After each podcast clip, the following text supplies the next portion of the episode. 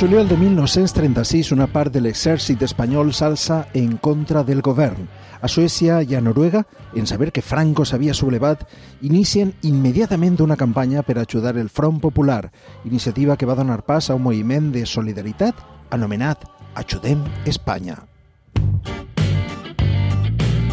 Este és el capítol 12 del MUR, els Jocs de la Memòria, on viatjarem al Coi, Ontinyent i la Vila, i també més lluny, als països escandinaus, un recorregut per l'Europa solidària dels anys 30, un viatge en el temps i l'espai.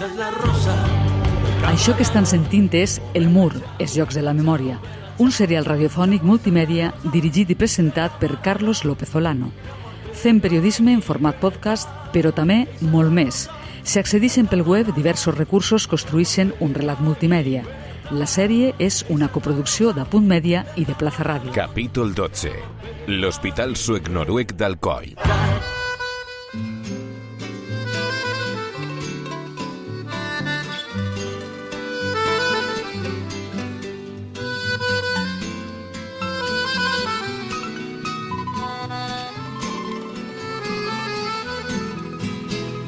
M'aclame a tu, mare de terra sola, arrapa els teus genolls amb ungles brutes, invoca un homo secreta consigna, mare de pols, segrestada esperança. No hi havia massa informació del tema. Recorde que solament pues, hi havia una notícia de premsa que va llegir en el diari Humanidade, que era el diari de la Revolució, que deia que el 25 d'abril del 37 el ministre Álvarez d'Estado, Álvarez del Valle, que era ministre d'Estat, havia estat en el COI eh, inaugurant un, un hospital que estava representat per suecs i noruecs. A l'arribar eh, nosaltres a, a Suècia i a Noruega per tal de recollir els testimonis perquè el que ens interessava és perquè era com l'última oportunitat pràcticament, estem parlant de testimonis que tindrien uns 90 eh, anys quan vam arribar nosaltres allà. En, en el coll l'hospital era conegut perquè era l'escola industrial i tot el món, li, no, no sabien per què, però li diuen el sueco.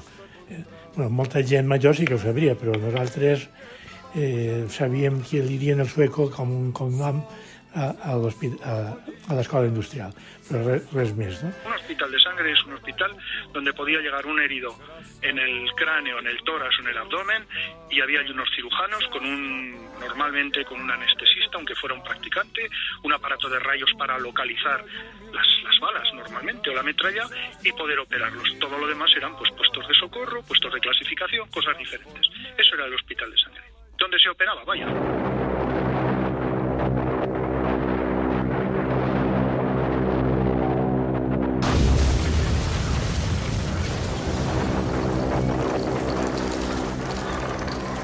Quan bombardegen Alacant és quan diuen sí, això no és, no és segur i, i com que Ontinyent també ja tenia l'hospital l'hospital belga, l'Hospital Militar Internacional, és quan decideixen pues, eh, portar-les part del material i part dels ferits i algun, algun infermer o algun metge infermera s'incorpora a treballar així a, a l'Hospital d'Ontinyent i tenim constància això, que, que una part se'n va, se va a Ontinyent així i l'altra se'n va a la Vila Joiosa. Sí, els suecs eh, eh, eh, ja se n'han anat.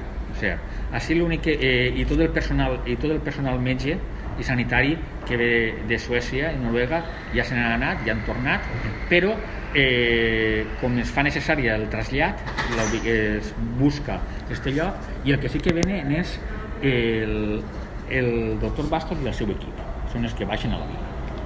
Eh? I, bueno, i comença a funcionar a finals del segle, a finals del segle, a final de 1938 fins que s'acaba la guerra. A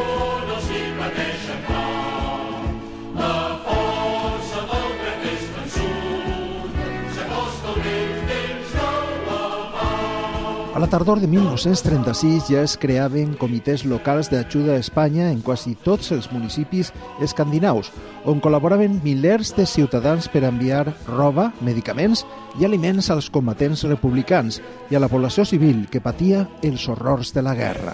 L'alcoià Ángel Beneito ha sigut l'historiador que va tornar a donar llum a este succés. Va buscar en els arxius locals i primer va entrevistar les infermeres alcoyanes que havien treballat a l'hospital aquells anys. Després va desplaçar-se al nord d'Europa per a consultar els fons dels arxius suecs del moviment obrer.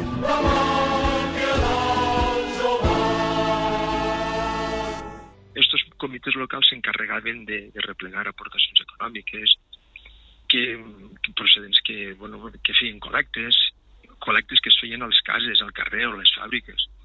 I més encara, la, la, és que va ser un moviment importantíssim. En arribar Nadal s'obriren establiments on la gent podia comprar petits regals de Nadal. Pins de solapa, revistes, eh, segells commemoratius, postals, eh, púdules per als xiquets, joguines, i tots, i aquests guanys i aquests diners anaven destinats al Comitè Nacional d'Ajuda que es va dedicar a, a, a comprar pues, pues, aliments i roba que enviava. I això va ser la idea. Quan este moviment es va fer tan gran, pues van decidir anar una miqueta més enllà i van decidir unir el Comitè Suec d'Ajuda a Espanya i el Comitè Noruec d'Ajuda a Espanya van decidir unir-se per a formar un comitè conjunt que facilitaria aquest hospital. És a dir, que van decidir unir forces i sufragar conjuntament un hospital de sang per a, per a Espanya. Tot estava preparat i dispost per al viatge. Metges, infermeres, ambulàncies, aparells de rajos X...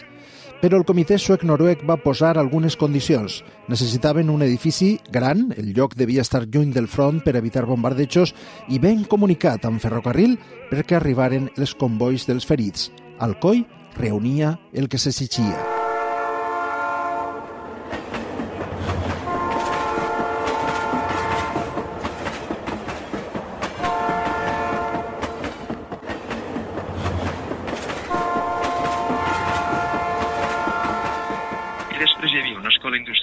Planta que era propietat del Ministeri d'Instrucció Pública, que a més s'acabava d'edificar, quasi, bueno, no s'havia inaugurat, i a més era magnífica, tenia dues plantes, varis soterranis, grans finestrals i enormes aularis, on poder edificar, on poder allí instal·lar, més que edificar, instal·lar, instal·lar els llits hospitalaris. I això van fer.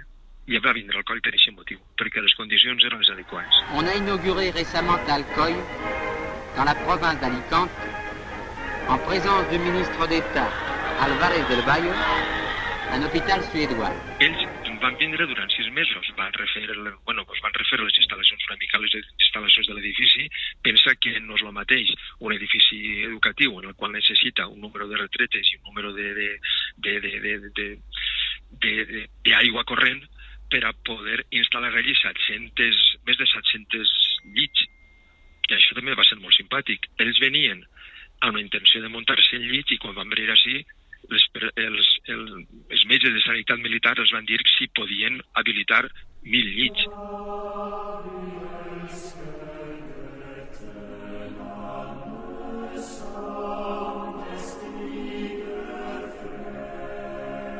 I així pues, bueno, van arribar eh, gent de, de, de, de tota classe, des de metges que encara no havien acabat la carrera i trobaven així pues, una, una oportunitat per aprovar sense, diguem, sense massa responsabilitat civil en el sentit de que tenien eh, pues, bueno, front a ells a, a, a persones que venien en un estat lamentable del front, no? després metges amb molta més experiència que vam entrevistar a, a, als seus fills perquè ells ja no, ja no estaven van vindre infermeres i, i, i bueno, eh, un poc això va ser el, la, la construcció de, del factor humà de, de, de lo que és l'Hospital Soco-Noruego del Coll. El director de documentals i també alcoià Xavier Cortés es va interessar per la història al vore publicat el llibre d'Àngel Beneito sobre l'ajuda humanitària escandinava. Va decidir viatjar a Suècia i Noruega per a buscar testimonis directes i filmacions de l'època. Recordaven sobretot eh, pues això, els, els, els, l'estat en el que arribaven els ferits, que era, era terrorífic, no? i com bueno, en, en uns mitjans reduïts tenien que, que fer front a això, no? aunque les instal·lacions són grans i, i, i n'hi havia, havia prou llits, però bueno, eh, la guerra a mesura que anava apropant-se era més devastadora. No? El resultat va ser el documental Corones de vida l'any 2003, que va rebre diversos premis i mencions. La cinta replega xicotetes històries anònimes que es troben al voltant d'una aventura molt més gran, la de l'Hospital Suec-Noruec d'Alcoi.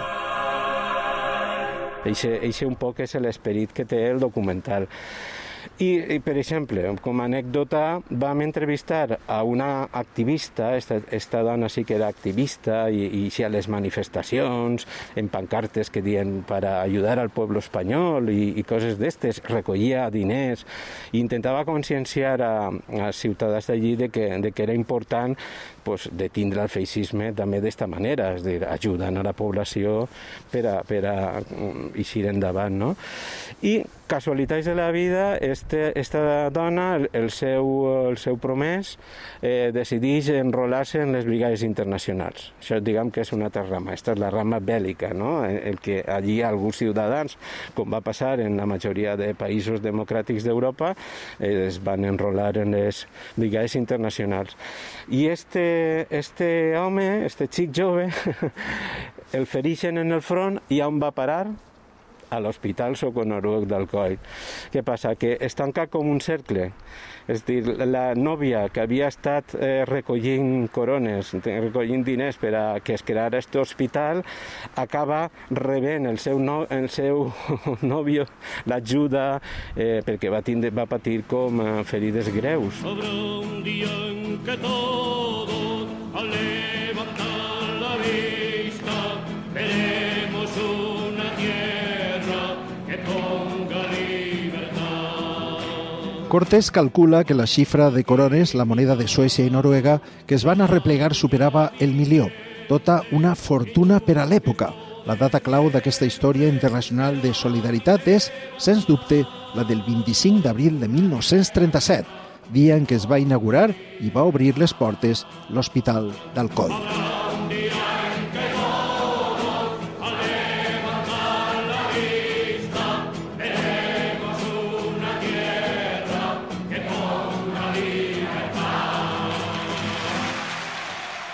Complit el mig any de l'acord, els suecs i noruecs han de tornar a casa i fer entrega del centre a la sanitat militar. El govern de la República encomana en eixe moment la direcció de l'equip mèdic a l'aragonès Manuel Bastos, un metge de reconegut prestigi internacional. Él fue fiel a la República y pudiendo haberse pasado a los nacionales o haberse quedado en Francia, él vuelve. Claro, es un hombre con mucho prestigio y además de eso, con mucho eh, con, con, un compromiso político. Y yo entiendo que la, la República dice que vaya este porque este no nos va a dejar en mal lugar, claro.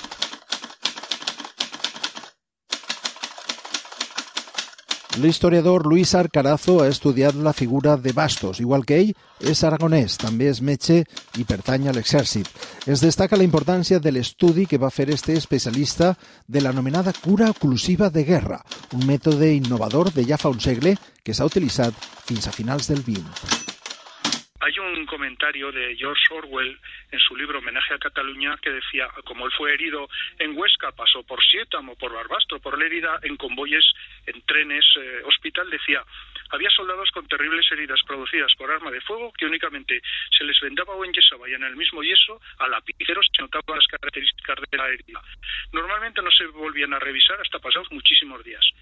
Y él lo cuenta con espanto, pero no, es que él estaba viendo la cura eh, oclusiva o cura española. Eran heridos que les habían hecho la cura, les habían puesto el yeso y muchas veces el yeso se manchaba de las propias secreciones y olía podrido que echaba para atrás. Bueno, pues aún así con todo aquello evolucionaba bien.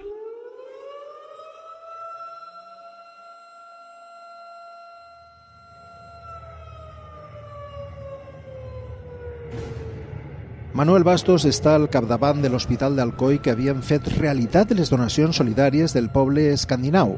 Però l'any 1938 el front s'aproxima i la ciutat comença a patir bombardejos més intensos.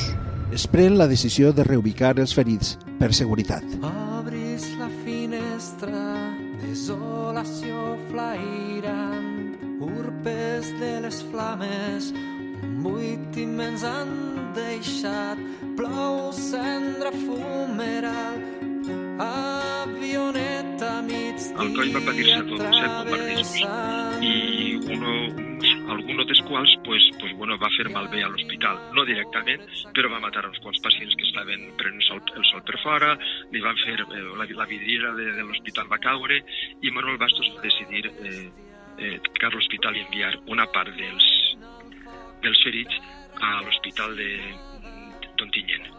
I una altra, i una altra se'ls van portar a l'hospital, a, a, un, a, una, a un petit hospital que hi havia a la vila, que no era hospital, es, es va habilitar en la vila. Clar, no, i a més en el 38 és quan es comencen a construir els refugis i venen els de Castelló, venen eh, les fàbriques d'armament de, de Castelló perquè quan partixen la República en dos i, i, i, no bombardegen, és a dir, és una zona prou, prou, prou tranquil·la, és a dir, que no que els efectes de les bombes les escoltem de lluny en Alcoi, perquè s'escoltaven de lluny a Alcoi, de Xètiva en el, en el 39, i bombardegen a Alacant, Alacant València, a Alcoi, eh, Gandia, Sagunt, ciutats eh, xina més o menys com Ontinyent, però Ontinyent no la bombardegen. En este pueblo de la región valenciana existe un hospital de sangre en el cual ha sido previsto cuanto puede necesitarse para devolver la salud a los heridos en la lucha por nuestra independencia. En la biblioteca, siempre concurrida por los que han recobrado la salud, una nutrida colección de libros escogidos entretiene las horas de la convalecencia.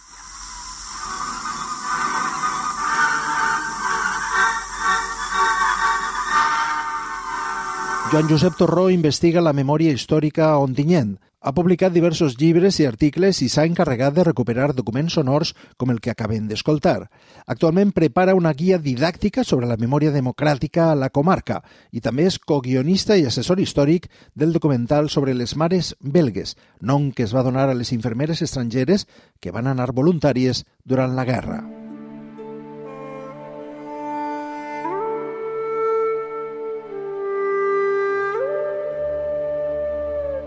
Sí, l'hospital d'Ontinyent, el, el, el, i se coneix en l'imaginari popular d'ací d'Ontinyent com l'hospital belga, perquè eh, són els, els socialistes belgues. Igual, té de comú en el d'Alcoi que els dos venen, eh, són d'ideologia socialista, no? venen de la socialdemocràcia europea, del partit, en aquest cas d'Ontinyent, del Partit Socialista belga.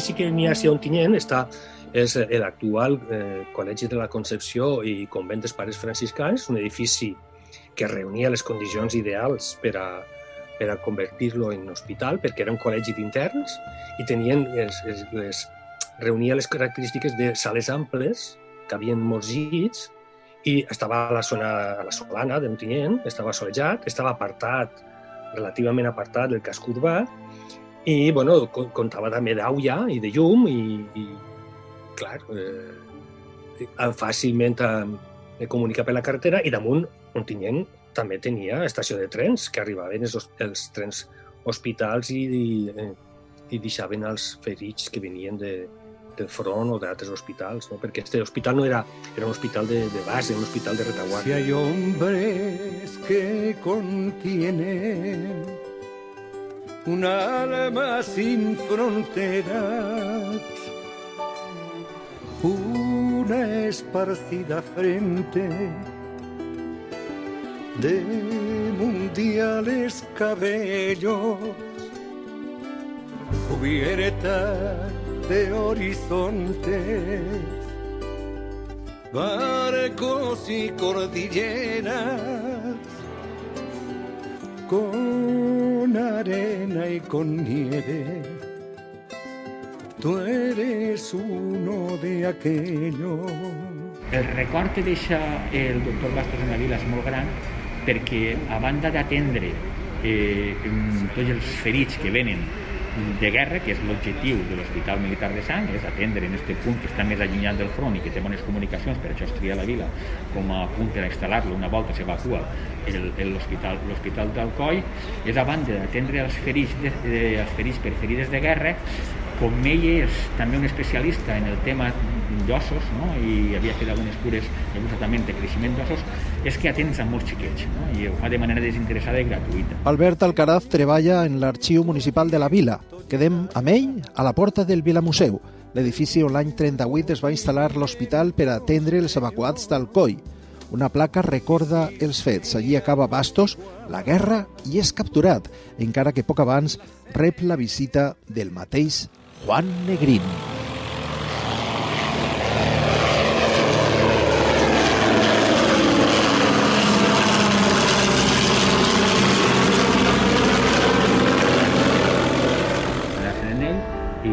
i de l'exili i poder eh, escapar en avió conforme vaig escapar ells des de, des de, des d'Elde, que és on estaven, no? des de eh, Elde Monover, que és on estava concentrat no? el, on va fer l'últim Consell de Ministres del govern de, del govern de, de la República. Ell va rebutjar, es va quedar i en, en, en octubre va ser detès, va, ser, va passar quatre mesos en presó, després de dos mesos, dos anys en llibertat condicional, fins que al final va ser jutjat i va ser condemnat a dos anys i mig de presó, i, bueno, i li van retirar tots els càrrecs, to, tots els títols, el van expulsar de l'exèrcit i va caure en una profunda depressió. Y llegó un coche y bajó un señor, bajaron dos señores, pero el que me llamó la a mí y que se acercó a preguntarnos por el doctor Bastos era Negrín, un señor con un abrigo, un sombrero y nos preguntó si aquí vivía Negrín y le dijimos que sí y nada más. Después yo supe que era Negrín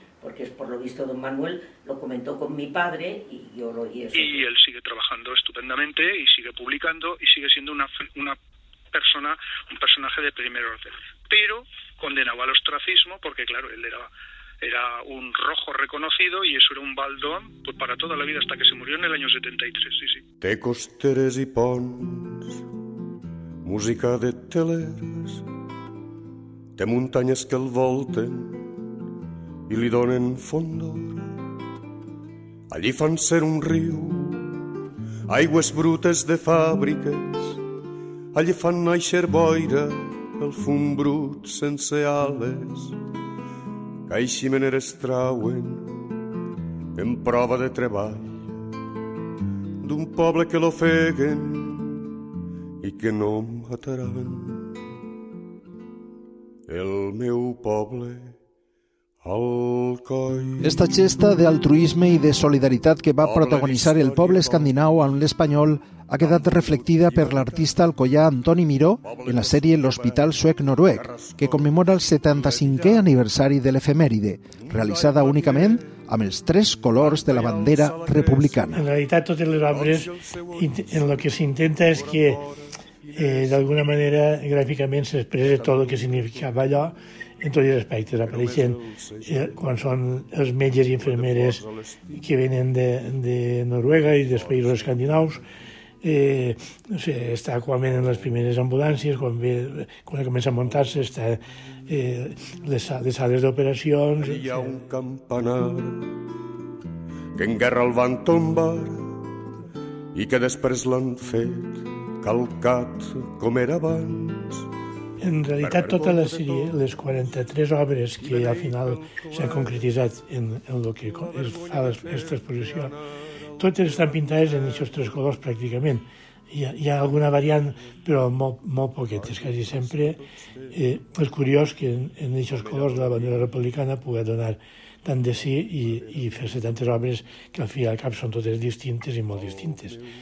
I, però, però sí, era com una mena d'homenatge a la república i un recordatori de que això va passar en un moment determinat, que va ser la Guerra Civil Espanyola, eh, per l'alçament del bando nacional que, que no es conformaven en acceptar la legalitat. It prompted an impressive tide of solidarity that gathered massive aid for Spain and also funded a modern hospital in Alcoy, near Alicante, and several children's homes. És que és el per què, és el per què. Per això, quan treballes els documents, tu penses veure pues, una, un, un, un, un hospital, a veure què fa i què ve, i pues, bueno, els metges quieren i tal, però trobes una història de solidaritat impressionant, que és el que dona pas a l'hospital. I això és la gràcia. Lo, lo, lo bonic d'este treball és això. Acaben de escoltar el capítol 12 de El Mur, els Jocs de la Memòria, on hem conegut una pàgina destacada de la solidaritat internacional que va tindre el seu reflex en la nostra comunitat en un escenari tan difícil com la Guerra Civil Espanyola. És un podcast multimèdia dirigit i presentat per Carlos López Olano amb accés per les zones de ràdio i també amb una versió enriquida amb diversos recursos per web i xarxes. En els reportatges han treballat Eduard Torres en la redacció, en l'edició, la realització sonora i la locució, Miguel Coll. En el disseny visual, Sergio Formoso. I en la locució, Lola Bañón. En breu, el capítol 13 i últim de la sèrie, Els aeròdroms de la República. Este programa és una coproducció entre A. Media i Plaza Radio.